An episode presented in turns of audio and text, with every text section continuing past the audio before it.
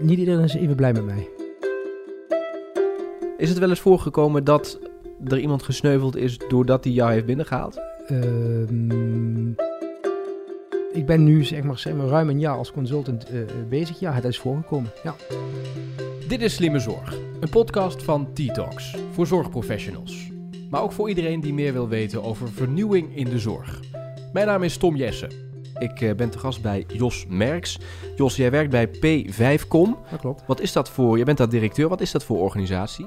Ehm, P5Com is een organisatieadviesbureau die eh, zorgaanbieders in de volle breedte, en de volle breedte eh, bedoel ik ziekenhuizen, GGZ-organisaties, maar ook organisaties in de langdurige ouderzorg, helpen om tot verbeteringen in hun organisatie te komen. Ja. Zijn jullie een, eh, een publieke partij of een private partij? Wij zijn een private partij. Oké. Jij komt uit de publieke sector. Ja, als je, als je kijkt naar mijn ervaringen, eh, ben ik nu werk ik als consultant zeg maar, voor de sector. Maar ik heb ook al een aantal jaar als bestuurder in de sector gewerkt. Dus ik breng beide kanten van de medaille met, met me mee. Ja. Hoe ben je hier eventjes de route hier naartoe? Want eh, Ja. eh, eerst dus eh, andere sector, ook publieke sector. Ja. Nu eigenlijk een andere, de andere Ja. kant van, van de schutting, zeg maar. Ja, Hoe is die route daar naartoe verlopen? nou, ik, vind- ik vind aan de ene kant vind ik het heel belangrijk om maatschappelijk iets te kunnen toevoegen. Dat kun je op twee manieren doen. Door in het publieke domein zelf te werken. Of vanuit, ik noem het even vanuit de buitenkant te komen, vanuit een commerciële omgeving te komen, om zo een bijdrage te leveren aan de ontwikkeling in het maatschappelijk domein. En ik heb voor het laatste gekozen. Ja. Bevalt goed? Het, eh, het is heel mooi om te doen. Was het grootste verschil? Ehm, het grootste verschil is dat ik nu nog veel scherper eh, eh, kan kijken naar problemen die zich voordoen in organisaties, in zorgorganisaties. Ehm, waarbij ik minder rekening mee hoef te houden met allerlei belangen die spelen, maar het beste advies kan neerleggen. Ja. ja. Er zijn ook mensen die, die zeggen dan op de pesten van... ja, daar in die, in die, in die eh, private wereld, daar speelt geld alleen maar een rol. Ze doen Ja. alleen maar dingen als het, eh, als het geld oplevert. Ja. Is dat terecht? Nee, kijk, je kunt er op een aantal manieren naar kijken. Maar als je ziet dat als je niet tot bepaalde veranderingen in de sector komt, in de sector is het publieke domein, dan verkwist je juist geld. Dan kun je beter af en toe een partij inhuren, hè, die uiteraard betaald wordt, die je helpt om tot een betere performance te komen, of tot innovaties, of eh, eh, give it a name. Eh, dat is beter dan dat je het laat verslippen Mhm. eh, en dat je zo je maatschappelijk geld verkwist. Mhm. Wat is het voordeel dat jij eh, eerst ook in een andere wereld, namelijk de publieke sector, hebt gewerkt? Wat, wat neem je daarvan mee wat nu juist een ontzettend groot voordeel is? Nou, ik, ik, ik, ik ken de sector dan. Ik, Mm. ik, ik weet hoe moeilijk het kan zijn om keuzes te, te, te moeten maken. Ik weet wat de impact is van iedere verandering die een organisatie meebrengt. Dus dat kan ik zeg maar, vanuit mijn rol als externe gewoon meenemen. Wat is nu jouw belangrijkste opdracht? Ik ben nu, bij een, eh, een, eh, op, ben nu bezig met een opdracht in het zuiden van het land om een organisatie te helpen om van het verscherpt toezicht van de inspectie af te komen. Mhm. En dat, is, dat duurt een aantal maanden en daarna ga je weer naar een volgende klus, et cetera. Juist, dat is waar. Ja. Is totaal anders dan wat je in de publieke sector zat. Daar was je de kapitein op het schip Ja. die, die, een, die aan boord kwam op het moment dat het financieel wat minder ging. Ja. En de opdracht had, maak ons weer financieel gezond. Dat is helemaal juist. Ja, Dus, dus de- deze, ehm, als je vanuit de buitenkant komt, vanuit mijn huidige rol, is het wat kortcyclischer. Maar omdat je met een gerichte opdracht kunt, kun je net zoveel toevoegen als als je langdurig op het schip zit. Is het, ehm, want je hebt dan een, een er wordt van tevoren bepaald hoe lang de termijn is, denk ik. Hè? Ja. Dus dat is een aantal maanden, dus je hebt zicht op de finish, zeg maar. ja. Ehm, is het dan fijner werken met het zicht op de finish? Of natuurlijk bij de, in, in de publieke sector stel je ook doelen per jaar. Maar als het niet lukt, kun je zeggen, nou weet je, dat schuiven we wel eventjes Ja. door. Is dat juist fijner werken of is het juist een race tegen de klok? Nee, voor mij is dat fijner werken, omdat ik uitermate resultaatgericht ben. En ik zo ook gewoon mezelf kan vasthouden aan de deadlines die we met elkaar gesteld hebben. Hmm. We hebben het in deze podcast over innovatie. Dat kan ehm, eh, ja, verschillende kanten op. Er zijn heel veel innovaties in de zorg. Ehm, eh, als jij kijkt naar ehm, eh, Nederland als geheel en Ja. wat er allemaal gebeurt op zorggebied, dan worden we vaak in het buitenland geprezen om onze innovatiekracht, om Ja. wat er allemaal gebeurt. Jij kan dat als geen ander beoordelen. Is dat zo? Zijn we inderdaad op de goede weg en zijn we ook een gidsland voor andere mensen? Ik, ik, ik ben het daar helemaal mee eens. Kijk, we, we kunnen heel kritisch zijn en, en soms is dat ook goed. Maar, zeg maar qua kwaliteit lopen we gewoon heel erg voorop. Ehm, Hoe komt dat? Dat weet ik eigenlijk niet. Kijk, dat heeft in, ehm, in Nederland heeft de zorg een, een hele goede aandacht. Hè, we willen het goed doen voor, uh, voor, voor, voor, iedereen. En als je kijkt naar hoe mensen worden opgeleid, opgeleid dan, dan, is dat gewoon uitstekend. Dus zeg maar, de, de professie van de, zorg, van de, van de zorgprofessional, ja, die, is, die is uitermate goed, uh, goed, goed geregeld. Ja. Hoe kan het dan toch dat in zo'n uh, land waar alles zo ontzettend goed geregeld is, mm we twee hele grote uitdagingen hebben. Namelijk uh, mensen die we nodig ja. hebben. En ja, een ver vergrijsd publiek dat steeds groter wordt. Uh, waardoor de kosten de pan uitreizen. Waardoor krijgen we met die innovatiekracht en al dat talent daar geen grip op? Nou, ik, ik denk dat dat, dat, dat ontzettend bazaal uh, ligt.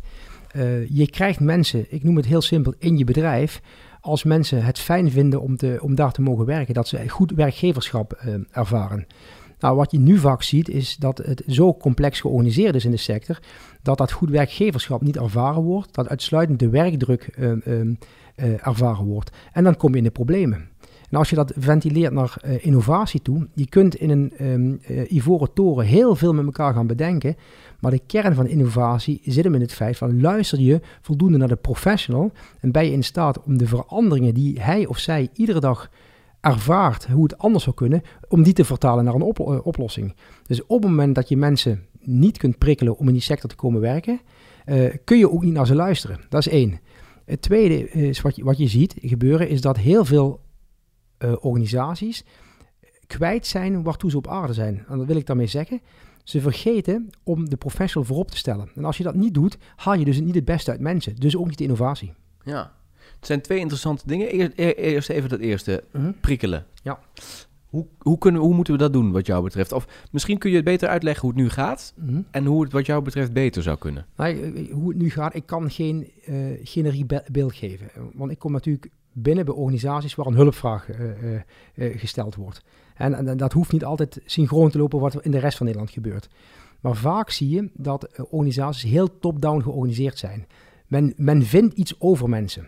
En de kracht zou er moeten zitten dat je gewoon de professional betrekt in hoe je het het beste kunt, uh, kunt organiseren. En dat is wel wat, je, wat ik op een aantal uh, plekken heel erg zie. Top-down benaderingen, um, um, het gevoel kwijt zijn en de, de verband kwijt zijn tussen um, organisatie die managt en de organisatie die het moet, uh, moet uitvoeren. Ja, maar is dat niet populaire uh, marketingtaal of managementtaal? Want uh, dat wordt altijd gezegd, hè, het moet bottom-up gebeuren. Ja. Hè, de, de medewerker mm. moet aandeel hebben in het beleid wat we uitstippelen. Dat klinkt populair en, en dat zal ook bij heel veel medewerkers erin gaan als koek. Ja. Maar het zeggen en het doen, daar zit een wereld van verschil tussen. Ja, daar, daar komt een van de, van de grote uitdagingen in de sector. Ik noem dat executiekracht. Een kamer vol uh, visie. Uh, zonder dat je het daadwerkelijk realiseert, dat zijn luchtkastelen. Dus de combinatie tussen visie, hè, de medewerker voorop uh, stellen, maar ook het vermogen om dat daadwerkelijk te doen, te implementeren, dat zijn, uh, dat zijn de goede uh, voorbeelden. Ja, maar als je stel dat jij binnenkomt bij zo'n organisatie die ja. zegt, beste Jos, we hebben hier uh, nou een, een, een, dikke managementlaag zitten en ja. die hebben inderdaad nou, een visie, dus dat lucht, luchtkasteel. Ja. Wij willen ook mede door kritiek op de werkvloer het anders gaan doen, het anders organiseren.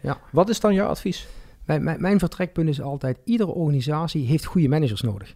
Maar hoor wat ik zeg, goede managers. En iedere medewerker, hoe zelf organiserend die ook is, heeft kaders nodig. Dus dat heb je met elkaar te organiseren. Dus je hebt een aantal goede managers nodig. Um, um, uh, medewerkers hebben een aantal duidelijke kaders nodig. En daarbinnen moet heel veel handelingsruimte gaan uh, ontstaan. Ja. Dat zal altijd mijn eerste uh, zijn. Maar dan zou dat, dat, zou dat kunnen betekenen dat die managers die jou inhuren om een bepaald advies te komen geven, mm. zichzelf eigenlijk zien vertrekken door jouw advies. niet iedereen is even blij met mij. Is het wel eens voorgekomen dat er iemand gesneuveld is doordat hij jou heeft binnengehaald? Um, als consultant dan? Hè? Als, als consultant. Um, ik ben nu zeg maar, zeg maar ruim een jaar als consultant uh, bezig. Ja, het is voorgekomen. Ja. Hoe voel je je daarbij? Ja, dat heeft, dat heeft. Kijk, voor, voor de mens is dat ontzettend vervelend. Maar ik word ingehuurd en ik doe een job om een organisatie beter uh, uh, te maken. En in die weg kan soms een individu uh, het onderspit delven ten opzichte van um, dat wat een organisatie nodig heeft. Onder de voorwaarde dat wel goed gezorgd wordt voor mensen. Ja, de, dus een sociaal plan en dat soort dingen. Juist. Ja. Um, um, wat, want het is interessant. De, advies om misschien een manager die niet uh, op zijn plek zit, laten we het zo even noemen, in ieder geval eventjes uh, uh, ja, daar weg te halen. Mm -hmm. Wat gebeurt er dan binnen die organisatie? Heeft het het gewenste resultaat dan? mijn, en, en, wat ik net probeerde te zeggen, is het feit dat, dat, dat er heel in, in, in, bij zorgaanbieders heel vaak een, een, een goede richting is. Alleen het daadwerkelijk invullen van die richting is heel lastig. Vaak als het spannend wordt, dan vertragen we of doen het net even niet. Het feit dat je soms duidelijk bent, maakt wel dat organisaties denken en we moeten nu. En dat gebeurt er. Ja, en dat is mede jullie rol als consultants om dat moment, uh, om even de drukte op te zetten. Wij worden ingehuurd om in ieder geval duidelijkheid te creëren. Ja, ja. Je, je, hoort ook wel eens bij consultants, dat is dan ook waar, vaak uit het kriti mhm. Mm Ja, zo'n consultant die, die komt eigenlijk adviseren wat de boardroom al bepaald heeft. Hè? Ja. Dat soort verhalen hoor jij vast ook wel eens een keer. Ja. Onderschrijf je dat? Nee. Um, vaak is het zo dat een boardroom of een organisatie voelt dat er iets niet goed is een goede consultant, en uh, het bedrijf waar ik voor werk, P5 kom, is een hele goede consultant, is onafhankelijk en analyseert eerst alvorens ze met oplossingen uh, komen. Maar je, maar je erkent wel dat dit in de, in de markt gebeurt? Dat consultants aan tafel komen om het beleid wat intern eigenlijk al voorgekookt is te presenteren? Um, ik heb het zo nog niet meegemaakt, maar het zou kunnen, ja. Oké. Okay. Um, ehm, hoe zou je kunnen voorstellen dat je een, een opdracht wel eens afslaat? Dat je zegt, dit gaan we niet doen? Ja. Ja, kijk, als, ah, je, kunt, je kunt niet van alle markten thuis zijn. Um, en als je jezelf als organisatie, dus ook als consultieorganisatie serieus neemt, kun je niet op alles ja zeggen, want je weet niet alles. Hmm. Hmm. Dus je, je, soms kun je, kun je opdrachten uh, weigeren. Of soms begin je aan een opdracht en je ziet dat je gewoon uh, um, uh, door allerlei omstandigheden te weinig impact kunt hebben. Dan moet je ook eerlijk zijn. Ja. Bottom-up, daar waren we gebleven wat betreft advies. Nou, je hebt uitgelegd hoe je dat mede doet. Ja. Je noemde nog een tweede element. Um, ja, je zei we moeten mensen prikkelen. Dat heb je uitgelegd. Het tweede element ben ik even... Als... als je de organisatie niet teruggeeft aan de uitvoerende medewerker... dan gaat er geen uh, creativiteit ontstaan. Nee. Als voor mensen besloten wordt hoe ze moeten werken... ja, dan, loop ik, dan, dan werk ik van 8 tot 4 en, en stop met denken. Maar hoe doe je dat dan?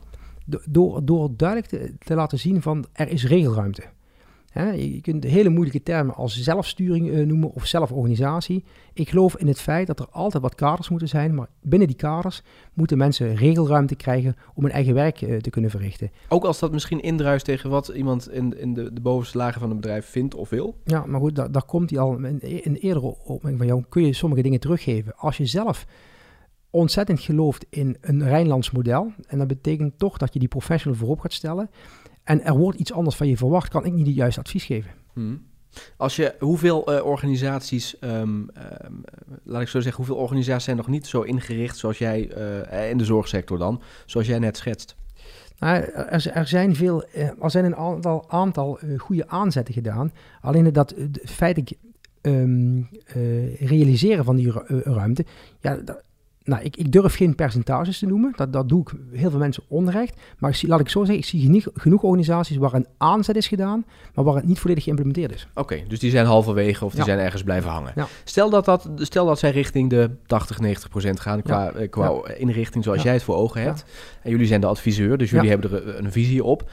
Um, gaan we dan ook meer richting een stukje oplossing van de problemen die we in het begin van dit gesprek aanstipten? Dan ga je in ieder geval een organisatie creëren waarbij mensen zich gehoord voelen en het fijn vinden om te komen werken. En wat uh, heeft dat als resultaat? Dat ze dat gaan vertellen.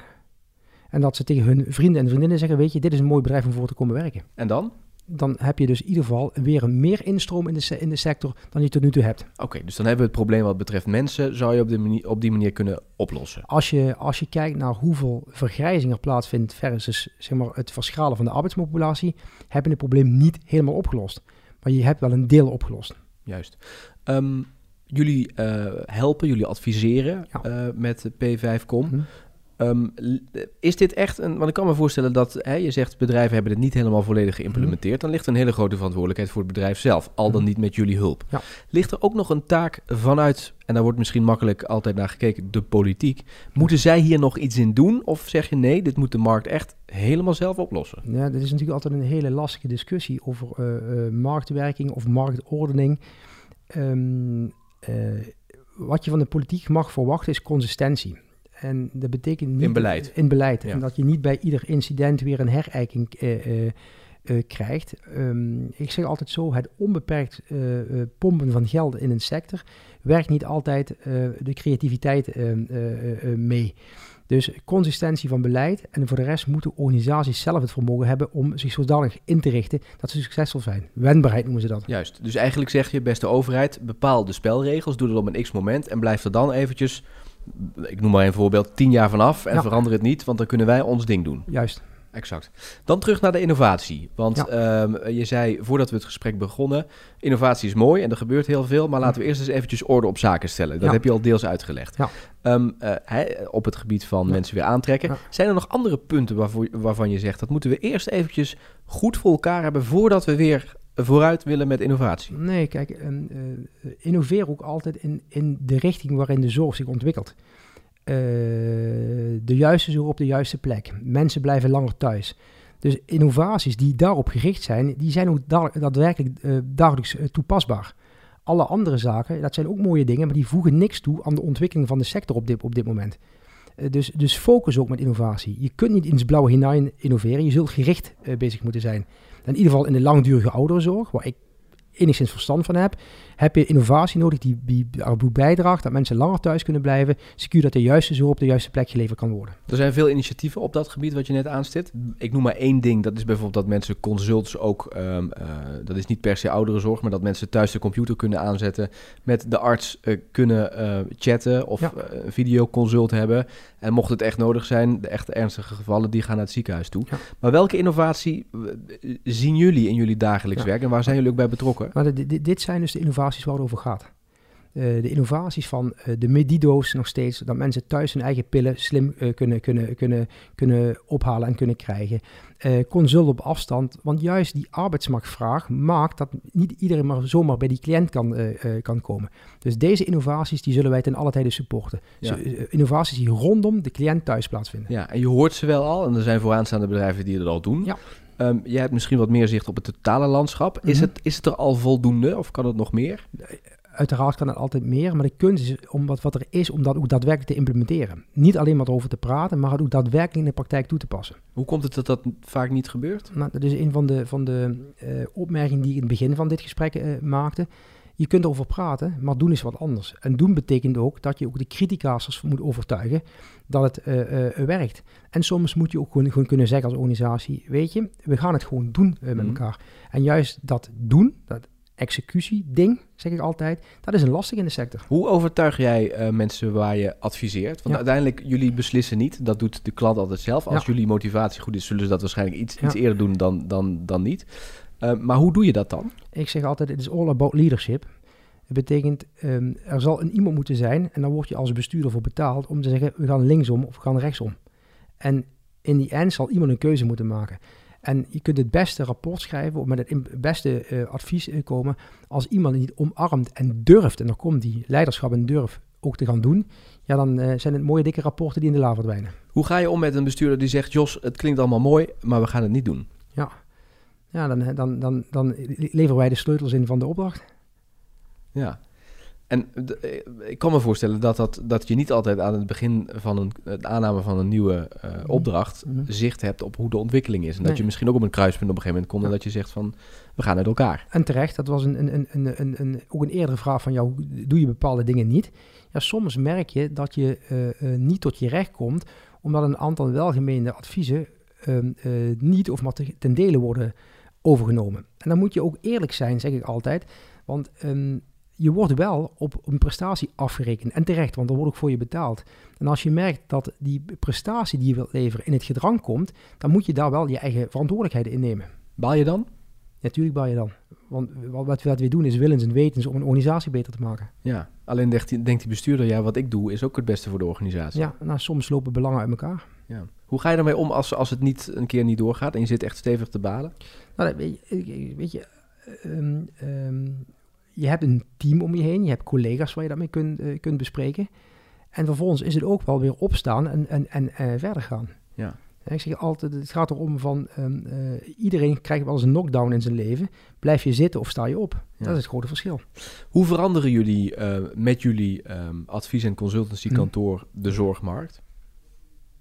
Kun je dat even wat duidelijker stellen? Nou ja, je geeft advies. Mhm. Eh, dat advies is gebaseerd op bepaalde eh, kennis en expertise... Ja. die jij ook hebt opgedaan eh, in eerdere functies. Ehm, dan ga je natuurlijk naar een bepaalde ehm, eh, stip op de horizon toe als het Mhm. gaat om de zorgmarkt. Hoe ziet het landschap eruit?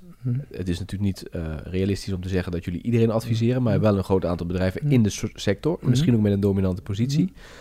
Hoe gaat dat, dat, dat zorglandschap veranderen op het moment dat jullie aan Ja. boord zijn en ook jullie volledige traject hebben kunnen Ja. doorvoeren? Ja, we we no- we noemen vaker in dit interview, ehm, wij zijn een adviseur. Maar feitelijk ben je een adviseur, maar nog veel meer, ik noem het een implementatiemachine. Dat betekent alles wat wij samen met onze klanten bedenken, wordt ook feitelijk geïmplementeerd. Dus wij laten iets in de organisatie achter, waarbij de feitelijke verandering, of dat nou een proces is, een vraagstuk rondom verzuim of hoe je teams inregelt, is daadwerkelijk ook geïmplementeerd achtergebleven. Dus wij, wij laten geen rapport achter waarin staat van beste klanten, zo zou je het kunnen doen. Nee, de uitkomsten uit het rapport zijn geïmplementeerd in de organisatie op het moment dat wij vertrekken. Dus de machine draait. De machine draait. Is er nog onderhoud nodig? Ja, feitelijk wel. En je hoopt natuurlijk altijd dat je het zodanig goed geïmplementeerd hebt en hebt overgedragen aan de organisatie, dat de organisatie het zelf kan, jezelf overbodig maken. Maar je wordt ook vaker nog wel teruggevraagd om even, ik noem het even de thermometer in te steken van waar staan we nu op dit moment? Juist. Is dat anders dan andere ehm, collega's van jullie die een rapport maken en, en zeggen: Alsjeblieft, hier staat in hoe je het moet doen, zoek het maar uit. Ja, als het feit de handleiding eh, aanleveren en zeggen: programmeer zelf maar. Het, is- het, is- het is hoe je wilt werken. En dat, dat vind ik het mooie aan P5Com. En dat is ook een van de redenen waarom ik gekozen heb voor P5Com te werken. Wij nemen de verantwoordelijkheid van de implementatie. En andere partijen, en dat is ook prima, die zeggen van nou, wij nemen de verantwoordelijkheid over het opleveren van een goed rapport. Mhm. Wij zeggen nee, op het moment dat wij komen, zijn wij gebaat bij het daadwerkelijk verbeteren van de organisatie door het ook te doen met elkaar. Mhm. Dan terug naar de vraag: wat veranderen jullie in het landschap? Je hebt die, die, die machine, die Ja. geoliede machine, die Ja. draait. Ja. Misschien ook een blauwdruk voor andere mensen. Komen er wel eens eh, andere bedrijven kijken die denken: God, wat ze daar hebben bedacht, dat is voor ons ook wel wat. Nou ja, de- de- de- ik zeg altijd, ehm, eh, de sector kent elkaar. En op het moment dat je niet performt, dan hadden wij niet zoveel opdrachten. Eh, met andere woorden, ehm, eh, als je het goed doet, eh, gaat er altijd mond- mondreclame eh, eh, plaatsvinden. En wat doen jullie dan zo goed? Dat is ook weer eigenlijk terug naar die vraag: wat veranderen jullie? Waardoor Mhm. er straks een, een, Mhm. een fijner zorglandschap is met alles en iedereen die erbij hoort. Wij, wij veranderen niet alleen maar de harde kant werkwijzes of procedures of hoe richt je iets in. Maar wij, wij laten met name achter dat de medewerkers in de organisatie het zelf kunnen gaan doen. Precies, bottom-up, Juist. exact. Ehm, vinden alle medewerkers dat makkelijk om zo te werken? Want ze zijn natuurlijk altijd gewend dat er iemand was die zei: jongens, zo gaan we het doen. En nu wordt ineens gezegd van jongens, Denk maar zelf na. denk maar zelf na. Ja. Nou, iedere verandering doet pijn. Maar hoe reageren medewerkers daarop? Nou, dat, dat, dat is verschillend. Het, het merendeel van de organisaties, eh, eh, daar hoor je de mensen denken van eindelijk we mogen meedoen. Maar het is een utopie om te denken dat iedereen dat vindt. Sommige mensen vinden het heerlijk om gestuurd te worden. Nou ja, daar moet je een mix in vinden. Ja. Wat adviseer jij dan? Mensen mee te nemen. Maar in ieder veranderd traject gaan ook mensen afhaken. Mhm. Dat, dat, dat, dat is zowel op managementniveau, maar ook op uitvoeringsniveau. Alleen het merendeel van de organisatie omarmt dit. En daar gaat het tenslotte om. Jos, we zijn al bijna aan het einde van het, eh, van het gesprek. Eh, aan het einde wil ik even kijken altijd naar van... oké, we staan nu op een x-moment, op een x-punt... ehm, met alle ontwikkelingen in het achterhoofd. Wat is jouw eh, hoop voor, nou zeg, het, het, komende jaar? We zitten nu in 2020. is vaak genoemd als eikjaar voor... dan willen we dat en dat gerealiseerd hebben. Mhm. Eh, ik snap dat het altijd met kleine stapjes gaat, maar Ja. waarvan zeg je, nou, dat, daar zijn we al een eind op de goede weg. En als dat verder een, een handje geholpen wordt, dan, dan zijn we in ieder geval al een stapje verder. Nou, ik, ik, ik, geloof er heilig in dat de, de lijnen die nu lopen, dat dat de goede lijnen zijn. Dat betekent mensen langer thuis, ehm, de juiste zorg op de juiste plek, zodat je zeg maar, organisaties niet overvraagt met vragen die daar niet thuis eh, eh, horen. Ehm, ik hoop dat we doorgaan met de innovaties die daaraan bijdragen aan geven. En dat mensen ook daadwerkelijk dur- durven dit in te richten eh, met elkaar. Super. Dankjewel Jos. Graag gedaan. Je luisterde naar de podcast Slimme Zorg. Abonneer je op Slimme Zorg, zodat je geen aflevering mist. En wil je meer weten over het maken van een podcast? Stuur me dan eventjes een berichtje. Je vindt mijn e-mailadres in de beschrijving bij deze podcast.